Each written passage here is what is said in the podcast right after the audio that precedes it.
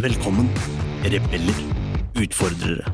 Dere som driver oss fremover og krever mer. Dere som vil gjøre en forskjell. Skape magiske arbeidsplasser med lykkelige mennesker som skaper produkter som kunden deres elsker. Men 75% av nordmenn føler lite eller ingen engasjement i jobben sin. 94% av ledere sier jo at smidighet og samarbeid er kritiske faktorer for at deres organisasjon skal lykkes. Men kun 6% av dem mener selv at de er smidige. Dette er podden som vil inspirere, gi deg konkrete tips og verktøy som vil hjelpe deg med å skape endringsdyktige organisasjoner med høyt engasjerte og motiverte ansatte som lager uslåelige produkter.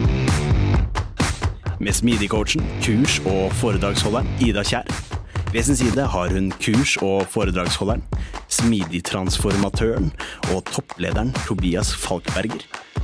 Sammen har de over 20 års erfaring med å jobbe i og lede smidige team og organisasjoner. Nå kjører vi! Hei og velkommen til en ny episode av Smidigpodden. I denne episoden har vi en kjempespennende paneldebatt om OKR som vi har gjort i samarbeid med OKR-podden. Vi har utrolig mange spennende gjester for å høre om nettopp hvordan de har implementert OKR. Første del av episoden får du her, og andre delen får du hos OKR-podden. Før vi dykker ned i dette, så vil jeg bare takke vår hovedsponsor Sparebank1 Utvikling for at dere bidrar til å gjøre Smidigpodden mulig. Sparebank1 Utvikling de jobber hver eneste dag med å lage Norges beste digitale løsninger for hele 1,2 millioner kunder. Målet deres er å være en meningsfull arbeidsplass for ansatte hvor det er stor grad av eierskap, autonomi og faglig utvikling. Og det syns jo vi i Smidigpodden høres helt fantastisk ut. Jeg vil også sende en kjempestor takk til dere som er en del av Smidigpodden-fellesskapet på Buy Me Coffee. Om du kunne tenke deg å bli en del av dette fellesskapet og få tilgang på kurs og foredrag, så gå inn på smidigpodden.no. slash en kaffe. Og nå paneldebatt. Velkommen til en uh, kjempespennende episode. Dette er jo en samarbeidsepisode mellom OKR-podden og Smidpodden. Så med meg har jeg jo Philip fra OKR-podden. Det er kjempespennende. Og vi har jo en flott gruppe, eller bukett av gjester. Det er en klisjé å si, men det er vel kanskje det man sier. Så var det jeg sa. um, så vi kan jo kjapt eh, gå gjennom hvem dere er. Vi starter med Ola Jordal, the Chief of Staff i Corvus Energi. Velkommen. Og så har vi Ellen Marie, som er leder i Gnist. Du startet jo Gnist tre år siden. Uh, sammen med to andre flotte kollegaer. Uh, og så har vi med oss Pål Rønnevik fra Norges idrettsforbund. og så har vi Himena Støen Tror jeg sa navnet riktig? Perfekt. ja, så bra. Produktområdeleder i Origo. Eh, digitaliseringsavdelingen til Oslo kommune. Kjempespennende. Og til sist så har vi jo selvfølgelig Rune Skaja, som er fra Redd Barna. Så vi har jo veldig spennende kombinasjon av selskaper med oss for å snakke OKR. For det er det som vi skal gjøre. Snakke OKR. Ja. ja. Veldig spennende. God blanding. Mm. Noe NGO-er, bedrifter, eh, stat og kommune fantastisk. Veldig. Mm. Så vi kan jo bare sparke i gang med første spørsmål, da, kanskje. Og det er jo veldig enkelt og kanskje veldig vanskelig. Og det er jo hvorfor valgte dere å starte med OKR som et målstyringsverktøy? Ikke alle på en gang, da. Alle rekker opp hånden, så da får vi bare velge en. Ja, jeg kan begynne. Kjør på. Uh, nei, altså Det var jo en uh, erkjennelse at vi trengte et uh, verktøy for å ha et målstyringsverktøy, eller rammeverk, for um, organisasjonen, den overordnede organisasjonen. Vi hadde jo forskjellige typer smart mål, um, verktøy og den type ting, men det var liksom forskjellig fra avdeling til avdeling. da. De hadde sine egne målstyringsverktøy, og noen hadde ikke noen i det hele tatt, kanskje. Så det var liksom det å finne felles, eh, et felles rammeverk som vi kunne bygge videre på. Og da valgte vi OKR, eh, basert på erfaringer fra andre i ledergruppa som hadde erfaringer fra dette. Eh, så det var liksom grunnen til at vi gjorde, eller brukte OKR, da, og har brukt det som en slags overordna rammeverk som vi ønsker at resten av organisasjonen skal ta i bruk. da, og det inviterer vi til nå i 2023. At de, ønsker, de som ønsker det, og det er ikke noe tvang, men at de som ønsker det, kan ta det i bruk da. eh, I avdelinger og seksjoner. Så du har testet ut da i en liten del av Redd Barna? Og så Eller det var sånn, altså Vi testa det jo ikke ut eh, systematisk. Det var bare en avdeling, markedsavdelinga vår, som hadde jobba med OKR i, og, og brukt OKR i to-tre år da, og hadde god erfaring.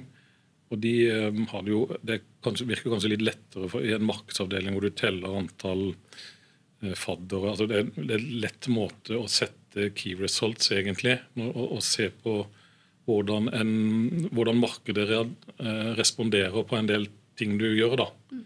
Eh, og så var det litt som Utfordringen var jo da å, å få en ja, f.eks. politisk påvirkning. altså Hvordan måler du det? Um, og setter key result på mål knytta til det.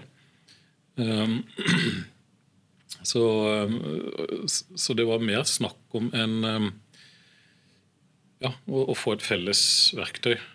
Men at andre hadde vært innom det før. da, Men at ikke det var et sånn kall det globalt eh, rammeverk for Redd Barna. Men det, det, det prøver vi å få etablert nå. da. Så en slags standardisering på tvers av alle delene av virksomheten. Ja. Skal vi bare gå bortover? Da er det min tur. Ja, Mena?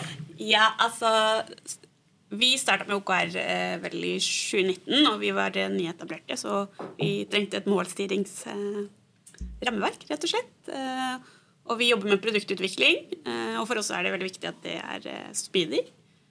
Og da trengte vi en smidig måte å vite hvor vi skal, og hvordan kan vi måle at vi kommer oss dit. Så da implementerte vi OKR. Og vi gjorde det gradvis, sånn at vi starta i noen team, og vi gjorde det bottom up. Så vi starta først med noen team, eh, og så etter hvert som vi lærte av hvordan det gikk å implementere i de teamene, så implementerte vi flere team. Eh, Og etter hvert så ble det implementert også til områder og til hele organisasjonen. Så for oss så var det som var viktig å få ut av OKR, er at det skulle gi verdi til teamene i produktutviklingen i hverdagen. Og at det også skulle være mulig å tilpasse. Fordi noe av verdien i å jobbe smidig ligger jo at du eh, på en måte kan tilpasse deg underveis den nye informasjonen du får, og at du på den måten treffer bedre da, på den effekten du skal skape. Så derfor, eh, kort fortalt, derfor ble det OKR. Kjapt innpå før eh, et spørsmål som jeg tipper kanskje lytterne sitter inne med nå. Bruker Oslo kommune OKR? Ikke hele Oslo kommune. Eh, vi er jo 50, over 50 000 ansatte. Så eh, det er ikke hjemmetjenesten tror jeg ikke bruker så vidt meg beskjed. Men vi i Origo, i eh, digitaliseringsetaten, vi bruker det. Ja. Hele etaten. Strålende. Burde Oslo kommune bruke OKR på tvers? Eh, vet du hva? Det, det vet jeg ikke om jeg kan si bastant, men det jeg vet, er at den, det vi har hatt nytte av å ha fokus på hva er, out, eh, hva er det outcome vi skal få ut av det vi gjør? Altså Hvilken effekt er det vi jager, og hvordan kan vi vite om vi faktisk nærmer oss den effekten? Derfor synes jeg det var veldig spennende å høre fra Redd Barna. For ofte snakker vi om når man ikke har produkter, når man ikke driver produktutvikling, kan man bruke UKR. Eh, Og det tyder jo på at det kan gi verdi. Så jeg tenker om eh, det at man hele tiden må være bevis på å jage disse positive effektene for innbyggerne. Det, det kan vi selvfølgelig alltid gjøre mer av. Ikke sant? Vær så god, Pål. Ja, vi, begynte, vi har nå jobbet med OKR i ca. ett og et halvt år. Eh, Vi begynte også på det digitale eh, med et fokus på et ønske om å få løftet oss litt fra features, leveransefokus, til å ha mer fokus på verdi. Vi leverer jo digitale tjenester som treffer hele den norske befolkning, helt ut på idrettslagsnivå. Er jo de største behandlerne av personopplysninger utenom det offentlige. Eh, Ganske mange digitale tjenester, veldig fokusert på, på selve leveransene. Eh, har brukt dette nå veldig til å få fokus på hvilken effekt, verdi vi skal skape. Eh, og så begynte jo Samtidig med dette så hadde vi en omorganiseringsprosjekt i, i NIF, Norges idrettsforbund. Eh, hvor det kom veldig tydelig fram at medarbeiderne syntes vi var for dårlige på mål og målstyring og prioritering. Eh, og vi har da eh, også sett på OKR som et eh, virkemiddel der for å kunne bli tydeligere på målprioriteringer. og har nå det siste året siden januar jobbet med å ha felles mål på NIF ledergruppenivå. Og så har vi jobbet med de enkelte virksomhetsområdene også. Og så er også dette litt, Vi skal jobbe mye mer i autonome team. Vi har noen eksperimenter bl.a. med tver, tverrfaglige team med NIF Digital og inn mot bredde, organisasjon og utvikling hos oss. Så ser vi at dette er veldig viktig når vi begynner å jobbe på tvers. Eh, at man kan samles om et felles verktøy og tydelige mål og nøkkelresultater. Det er nøkkel til suksess både i en ledergruppe og i teamene. At man kan samles om felles mål. Marie? Ja, jeg representerer jo på en måte to eh, ulike deler. Da. Både som leder av Gnist og så jobber vi med dette også ute hos mange av kundene våre. Men for å svare på Gnist sine vegne først. da. Vi er jo et konsulentselskap og starta for tre år siden. Og det er jo alltid sånn at Nye ideer er jo på en måte innimellom også motreaksjon på, på, på, andre ting. Så vi hadde lyst til å prøve å starte et selskap som ble målt på eh, noe litt annet enn de tradisjonelle konsulentselskaps-KPI-ene, som er typ liksom, faktureringsgrad og eh, hvor mange sant, antall salg og antall rekrutteringer og hvor mange fagsamlinger har du vært på. Så eh, vi var veldig sånn Vi leste den boka 'Measure What Matters' den sommeren før vi starta. Og så tenkte vi det har vi lyst til å teste ut også på, på Gnist. Da, som en sånn liten bigeskjeft. Eh, fordi det vi driver med, er selvfølgelig å bruke tid på kundene våre. Men eh, vi oppdaget sant, Vi hadde lyst til å være et miljø hvor eh, målene våre ble satt av folka som jobber der. Konsulentselskaper er jo kompetansemiljøer, så det er på en måte der det som er produktene våre. Og det har vært Vi har jo nå hatt fem-seks runder, da. Og jeg spurte noen av kollegaene mine i forbindelse med dette her når skal vi bli skikkelig gode på det? og da minnet de meg på det, akkurat det vi sikkert kommer til å snakke en del om her. da at det handler jo om kontinuerlig læring og justering. Så vi, selv om vi på en måte eh, fordyper oss i det og elsker å jobbe med det, vi må også øve oss masse i utøvelsen av dette i eget selskap. da. Så eh, ja. Så bra. Strålende. Ola? Ja. Vi er ganske nye inne i eh, det med OKR. Ja. Og um, vi jobbet med strategien i vår. og um, så tenkte vi hvordan skal vi klare å få gjort det her på en annerledes måte? Hvordan skal vi sikre at uh, strategien blir implementert i hele selskapet? At det ikke bare blir en sånn flott presentasjon som vi leverer til styret. Dette skal vi levere på. Og så legger vi det i skuffa, så har vi glemt det litt og jobba. Og da fant vi um, Vi søkte etter ulike verktøy. Da fant uh, OKR.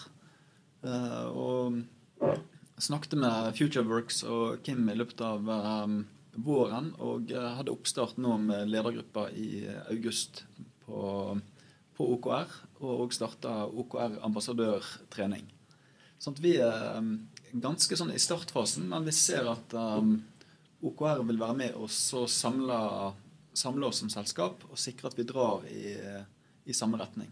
Mm. Og Det tror jeg er kanskje det viktigste um, OKR skal hjelpe oss med. Mm. Så bra. Så jeg har jo et spørsmål som jeg brenner inne med allerede. Jeg, Philip. Ja, vær så god. Ja, eh, jeg synes det er veldig spennende, her, for du har jo eh, Himena, i Orego, så har du hatt en bottom up her. Eh, Ola, i Corvus Energi så har du mer enn top down. Hva, hva, tenker dere om Nå sier ikke jeg at det ene er verken riktig eller galt, for jeg tror ikke det finnes noe silver bullet her på det, men har dere noen refleksjoner om, eh, om det? Og selvfølgelig andre. Bare pitch inn. Ja, starter med det. Eh, hvis jeg skal snakke fra vår erfaring, mm Eh, jeg tror en blanding Altså Hvis vi skulle gjort det om igjen, så tror jeg vi hadde nok gjort en blanding. Eh, for oss var det veldig viktig at Det er jo hos teamene at verdien skapes. Det er jo teamene som produserer, det er de som sitter og koder og lager produktene. Så for oss så var det veldig viktig at det leverte først og fremst verdi. Eh, og at vi sørget for at det bidro til å øke effektene som teamene skaper. Da.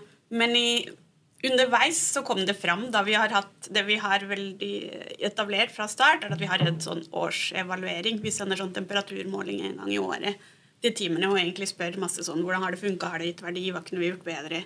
Og så har vi hele tiden tilpassa. Og etter første evaluering så kom det fram at de savna kanskje den rå tråden fra toppen. ikke sant? At, uh, at, man hadde det. Så hvis jeg skulle gjort det om igjen, så hadde jeg nok uh, valgt en blanding. Fordi hvis du hadde starta fra stoppen, så er min hypotese at du kanskje ikke hadde gjort mange av de viktige erfaringene fra timene.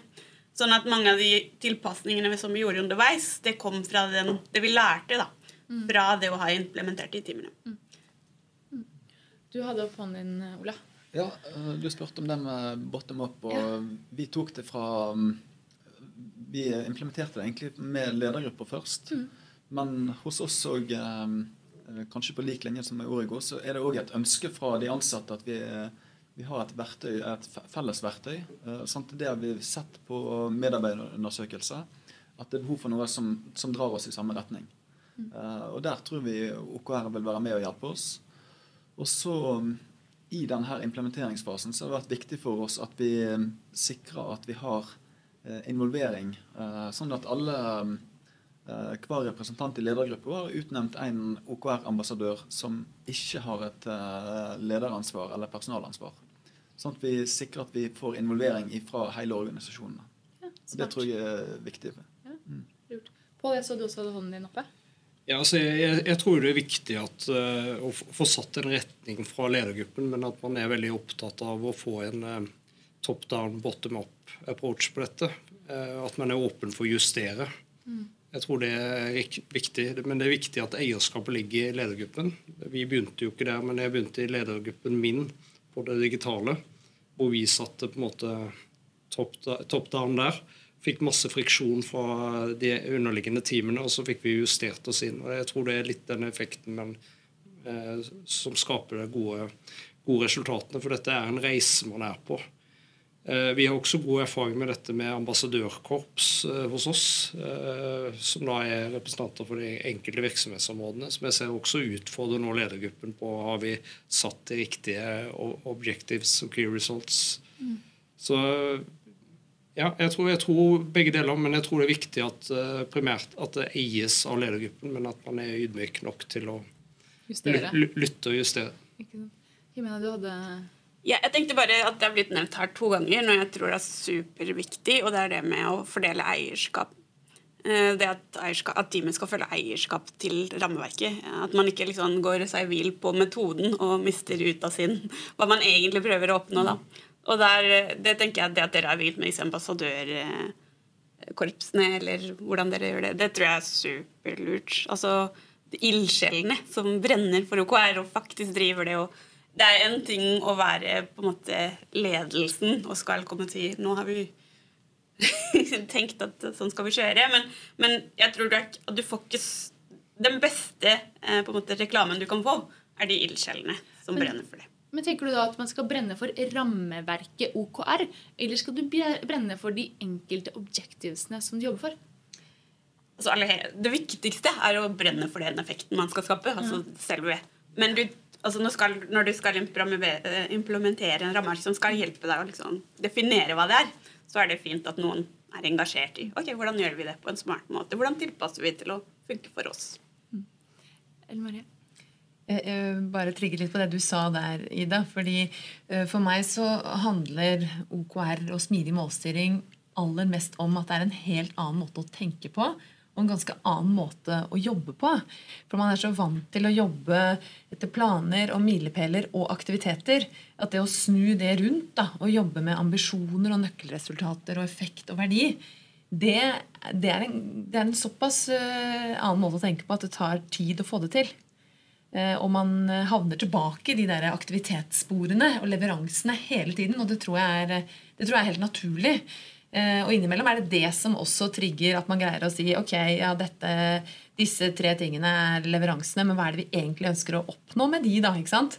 Så, man, så det er jo ikke, det er jo ikke på en måte OKR-en i seg selv som er det viktige. Det er jo den nye måten å, å jobbe på da, som støtter opp under det. Pål, du hadde en eh, kommentar? Ja, altså jeg, jeg tenker jo at uh, Litt så viktig å sette i system dette med retrospektiv og inn i dette. her, for at Du må igjennom en del læringssykluser før, før dette sitter i timene. Og at du da får en åpen og god dialog rundt der hvor du får friksjonen uh, fram i lyset. Uh, det, det tenker jeg er ganske viktig inn i dette. Og så er det andre som i hvert fall vi har erfart, uh, er jo dette med at det krever ganske tett sekundering hvis du skal få dette til å fungere. Eh, og dette også bryter det ned på ukes eller kanskje hver 14. dag i sekundering av de enkelte teamene, hvor du er inne og utfordrer litt. Eh, for å skape den dynamikken også, hvor man da diskuterer mål og nøkkelresultater, og ikke minst tiltak som man tenker skal ha effekt. Eh, og etter hvert så har jeg erfart at da, etter hvert så blir teamene trygge nok til at man får den gode friksjonen rundt det. Da, da, men det krever at man er inne og insisterer. Enten at man bruker Kim inn som coach, vi gjorde til å begynne med, og så at man bruker egne, egne ressurser inn mot det. Mm. Så tenker du sekundering og retrospektiv som to separate aktiviteter? Jeg tenker, ja, jeg tenker egentlig, altså Sekundering er jo litt retrospektiv òg, men at man tar seg en liten sånn timeout eh, etter enten om det er kvartal eller tertial eller hver måned for den saks skyld, hvor man da setter i system. Eh, vi hadde, en del feed, eh, hadde Kim inne og gjorde en del feedback-øvelser til hverandre, mm. som også var ganske fint som en del av det. Mm. Jeg ville bare, Det var en replikk egentlig til det du sa, Ida, og det Ellen Marie sa etterpå. Altså dette med Hva handler det egentlig om? Og det handler egentlig om produktutviklingskultur eh, for oss. da. Mm. Og så er det ikke folk vant til å jobbe i milepæler, men strukturen rundt oss er jo vant til det. Eh, og I det siste så snakker vi mer og mer om at hva betyr det å være smidig. For oss så betyr det hvor raskt klarer du å levere verdi, og hvor ofte leverer du verdi for innbyggeren. Ikke sant? Mm. Ikke så dumt. Rune? Jeg, tenkte tenker litt på det med milepæl og, og, tradisjonell prosjektstyring. da, Og det å bryte ned i arbeidspakker og den type ting. Det ser jeg fortsatt faktisk som en, et must her i, i hvert fall det vi driver på med. Okay. Um, vi, vi, har prøvd litt å ha litt key results, hvor vi har litt sånn tall null til fem, hvor du kan følge fremdriften. Ja, nå har vi to av fem, ikke sant, eller fire av fem. Men veldig, vi har sett at veldig mye av det vi uh, setter uh, ob objektiv på, da, de kommer først som en litt sånn ketsjup-effekt på slutten. Altså når, når, alt er på plass, da kan du liksom telle de fem. Så Det er liksom null helt fram til uh, uka før du leverer, og så er det fem. Altså Du klarer ikke å følge altså, Hvis ledelsen skal spørre, eller spørre hvor langt har dere kommet nå, uh, kjære OKR-team, uh, jo, vi har null prosent. Altså viser f.eks. key resulten. da. Og Da har vi kommet mye oftere dit hen at vi må lage noen milepæler hvor vi sier at når, når vi har kommet så langt så har vi 33 eh, kommet 33% på vei. da. Nettopp for det å kunne liksom, i hvert fall vise organisasjonen og den transparensen som vi er ute etter. Vi ønsker å vise fremdrift, ikke bare uka før OKR-syklusen er ferdig. Så Det er derfor jeg liksom heller litt Jeg driver faktisk og prediker nå at vi må faktisk bruke litt tid i begynnelsen på å bryte ned hva hadde jeg tenkt å gjøre. Hvilke aktiviteter hadde jeg tenkt å gjøre for å oppnå disse key resultsene. Og sett noen eh, milepæler. Det er sikkert noen av dere som er uenig i dette, men altså vi, dette er for å kunne si at vi har i hvert fall kommet til én et delmål da, i den key resulten. Jeg er ikke nødvendigvis veldig uenig. Altså det, det, handler jo om, eh, om for så vidt å jobbe systematisk med tiltak da, som beveger deg. Og så handler det om å sette key results eh, og bruke mekanismer som, som viser kanskje at, at, du på en eller annen måte har beveget deg et stykke, altså et, et delmål under, underveis. Da. Altså, men det, men det, å treffe riktig med de riktige key resultene som viser en progresjon underveis, det krever jo litt jobbing. Men, eh, men, ikke minst det er utrolig viktig at, man, at teamene i hvert fall følger opp eh, med tiltak og får definert og delt tiltakene sine. Mm. For Det, det er jo der man skaper den gode diskusjonen den gode friksjonen som jeg er opptatt av. Altså, er det de rette tiltakene vi jobber med mm. opp mot å skape bevegelsen? Mm. Jeg husker jeg fikk en sånn aha-opplevelse da vi snakket med en som ja, har jobbet på gulvet i Google i mange år som nå, nå, jobber han som leder i et konsulentselskap. Men han kalte OKR bare OKR-kverna. Eh, det var ikke noe I Google på gulvet så var det ikke noe engasjement rundt det. Det var bare noe alle måtte gjøre. Eh, og det var liksom satt i system. Og for meg så, så Da ble jeg litt sånn inspirert, egentlig. Fordi for meg så handler egentlig OKR om å ha et felles ordforråd. Eh, at uh, uansett hva man jobber med i et selskap eller i en organisasjon, så er det greit å ha noen ambisjoner og noen konkrete delmål. Sånn, på det laveste nivået så er det veldig smart å, å ha et, uh, et, ordforhold som man kan snakke på tvers av avdelinger. Og, og, så var det også dette her med liksom, hva er det egentlig OKR er? Er det liksom noe hype? Eller er det bare en samling av veldig sunne uh, og fornuftige uh, sånn ting man gjør, da? Mens vi lar lytterne reflektere litt rundt uh, dette, så vet jeg om et selskap som har utrolig mye engasjement og er gode på å samle seg om felles ambisjoner. Og det er jo nettopp Sparebank1 Utvikling. Nå er det sånn at de har faktisk to kjempespennende muligheter ute som kan være perfekt for nettopp deg som lytter på Smidigpodden. Det er stillingen som utviklingsleder. Det er én stilling i Oslo, og det er én i Trondheim som er up for grabs. Men hvorfor Sparebank1 Utvikling, tenker kanskje du. Og jo, det kan jeg så klart fortelle deg. Oppdrag til Sparebank1 Utvikling det er jo så klart å hjelpe vanlige folk og små bedrifter til å få en enklere og bedre hverdagsøkonomi. Sammen med bankene i Sparebank1-alliansen så bidrar de til bærekraftige lokalsamfunn i hele Norge.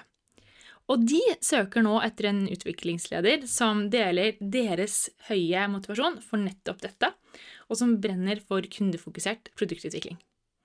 Så dersom du brenner for produktutvikling, servant leadership, kontinuerlig læring og forbedring, så er jo dette stillingen for nettopp deg. Stillingen er linket opp i episodebeskrivelsen, og det er også linket til sparebank1.dev, som tar deg til Sparebank1 utvikling sine egne nettsider.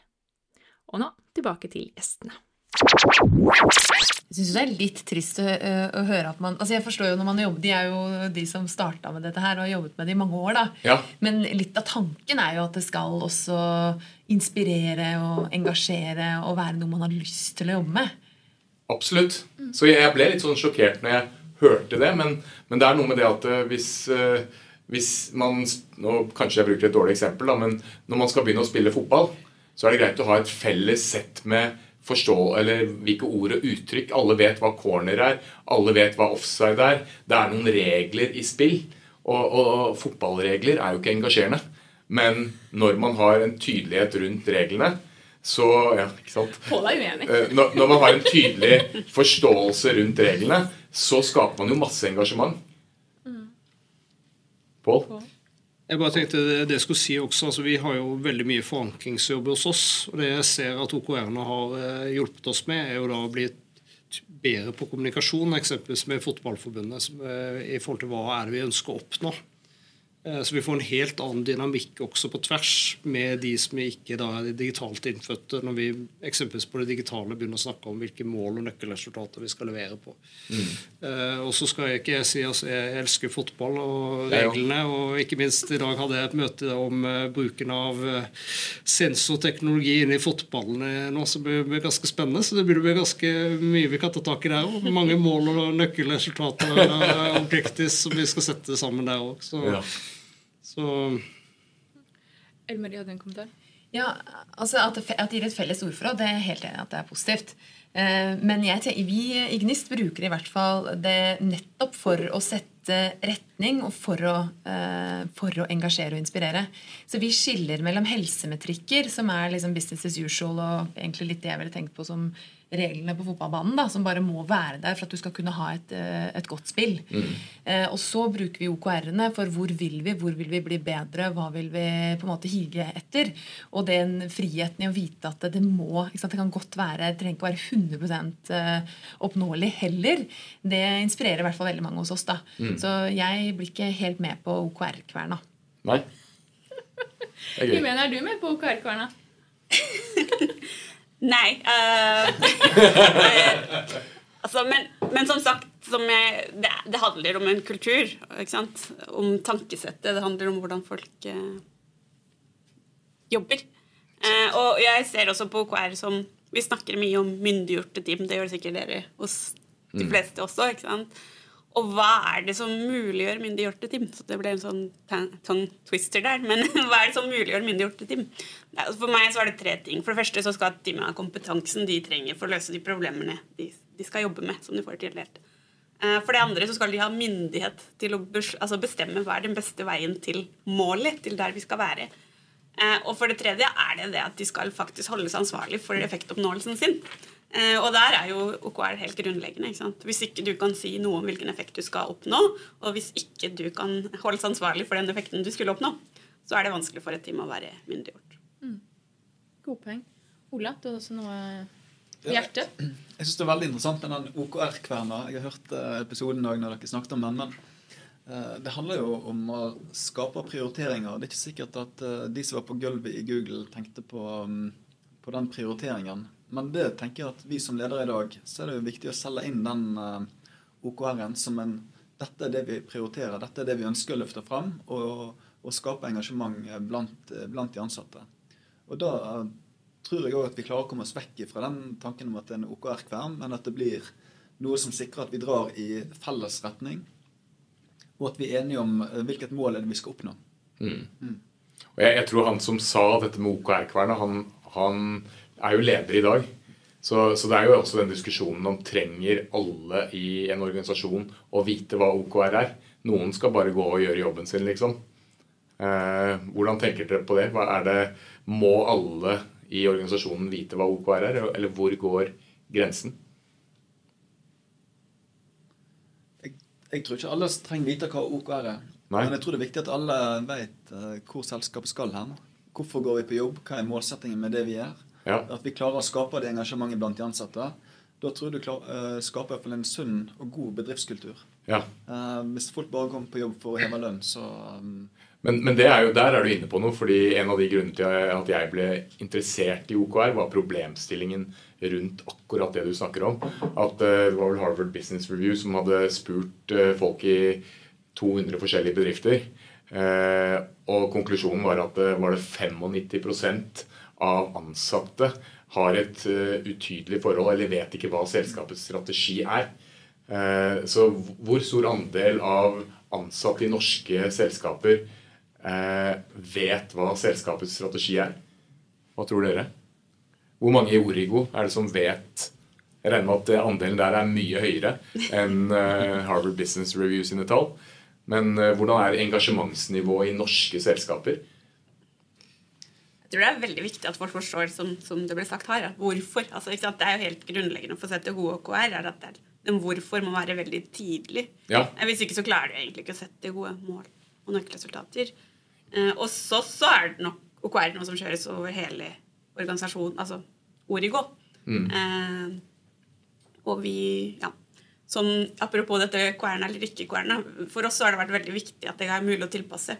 Sånn at hvis et, det har vært et team da som syntes det har vært vanskelig i den, den fasen de var i, å bruke OKR. Og så gikk, fikk de lov å teste ut milepæler, for de skulle lansere noe og syntes det var smartere. Og, og, da setter vi oss sammen så ok, dere kan teste det ut, så kan vi komme tilbake med erfaringer. Og så har de gått tilbake til OKR.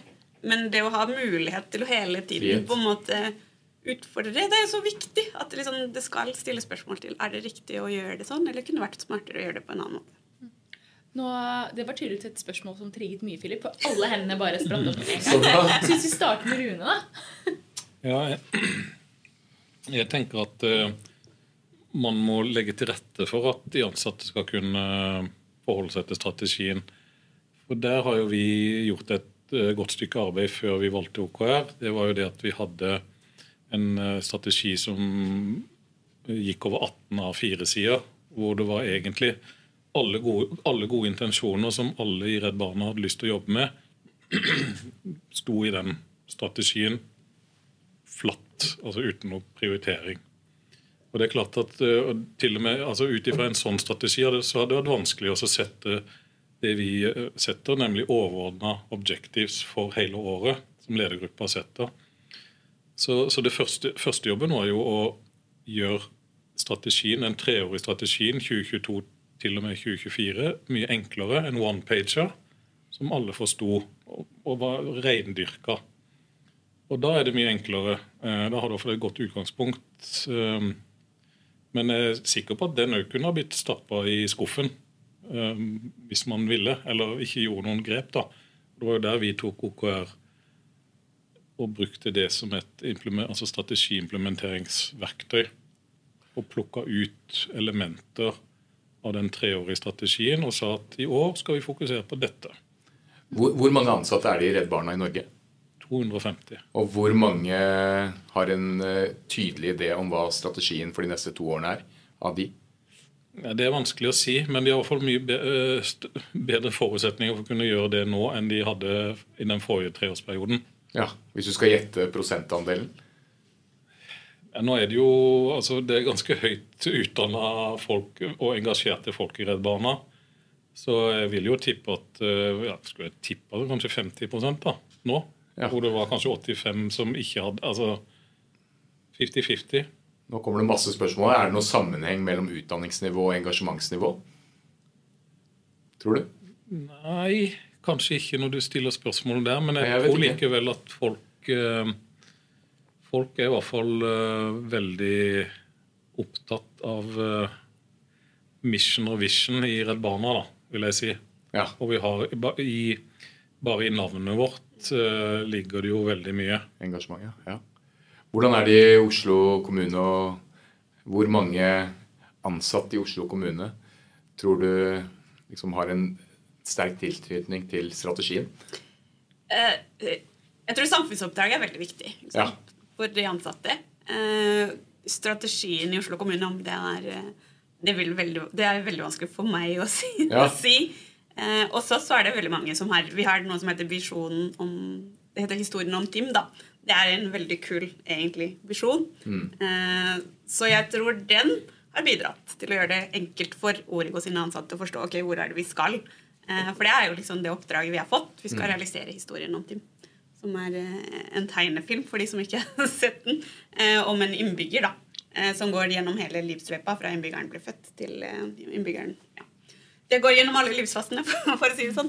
Mm. så akkurat den tror jeg vi har veldig god, god eierskap og forståelse for. Men selvfølgelig så er det virkeligheten som alltid så mye mer kompleks. Jeg er veldig nysgjerrig på hvor mange prosent av nordmenn er engasjerte på jobb. Det vet jeg ikke helt eh, Det har vi svar på. Det, kan jeg Ja, har vi det? Ja, det er en gallupundersøkelse som er gjort i 2022 Oi. som har svar på det. ja. Jeg har det ikke helt på toppen. Er det noen som har lyst til å gjette før eh, Før jeg finner det? Ida finner det? mange av Norges Hvor mange, hvor mange på, eh, nordmenn er det som har det gøy på jobb, eller har en Hvor mange er som er engasjert i jobben sin? Ja, husk at det å være engasjert i jobben er jo ikke nødvendigvis en korrelasjon til om de kjenner til strategien eller ikke. da. Nei? Det kan jo være to helt forskjellige ting. Da sier jeg 20 ja. 20 Men tenker du da på engagement index? Ja, jeg tenker på det. Den samme da- som Da tipper jeg 75 er engasjert på jobb. Ja, Engagement-indeksen til Great Place to Work tror jeg ligger på 75% på alle businesser. Ja. Jeg tror den ligger litt i overkant. Men jeg jeg er også litt positiv. Jeg tror kanskje 60% ja. 20 Nå ble jeg den veldig Jeg, eh, negative her. Nei, jeg, jeg, jeg, jeg heller jeg, mot eh, 20 Jeg holder meg til Ellen Elle Marie. Jeg, er, Ja. eh, 25 kanskje. Men eh, Ja. Nå har jeg lest så mye om quiet quitting i det siste. Ikke sant? At, eh, Quiet quitting er jo en viktig del da, i dette her med motivasjon. Uh, må jeg finne det her, da? Herregud, jeg hadde til en presentasjon vi jeg hadde med dette. så Men- husker jeg ikke tallet. Utrolig interessant, for det er masse hypoteser om engasjement og trivsel på jobb. Og hvis det er lav engasjement, så kan det ikke være veldig høy trivsel på jobb. er hypotesen. det, det som er, eh, mens eh, Ida leter, det som er interessant når man får lov å lede et lite selskap, som vi er, vi er bare 25 medarbeidere, så blir alt veldig transparent og åpent, og du, har liksom, du, du får så god oversikt. da. Um, og da ser jeg jo umiddelbart hvor mye det har å si, det der med Forstår du, Er du med på liksom, Støtter du visjonen, verdiene, målene vi setter? Og Det er jo selvfølgelig veldig lett når man, når man på en måte har 25 mennesker å jobbe med. Men da er det også, for jeg tror at hos oss så tror jeg man kunne svart 100 da. Eh, og utrolig liksom, engasjert gjeng. Så det er jo der man greier å bryte opp eh, selskapet sitt i nettverk av den type små, sånn som dere gjør med produktområder. da, ikke sant? Eh, og da bør man jo kunne greie å øke den der engasjementsprosenten betraktelig. Hva var eh, svarene her? Det var vel 20 på Ellen Marie, Så var det 75 på Rune. 75 som var engasjert i jobben sin. Ja. Ja, 20 Er det noen flere gjetninger? Er det 25? 25% Men eh, det gjelder selvsagt ikke Korbus, da. Selvfølgelig ikke. Hva med Nei, langt høyere. Og seks, eh, 60, var det ikke det jeg sa? Du tror 6 er engasjert? Jeg ville, jeg ville nok, sånn som Rune sagt, 75 eller høyere. Vil dere ha fasiten? Ja. Ja. Eh, 19% er engasjert i jobben sin. Det er litt trist. Yes, Irene, klapper deg! Det var veldig trist. Det var, det var bra du falt der.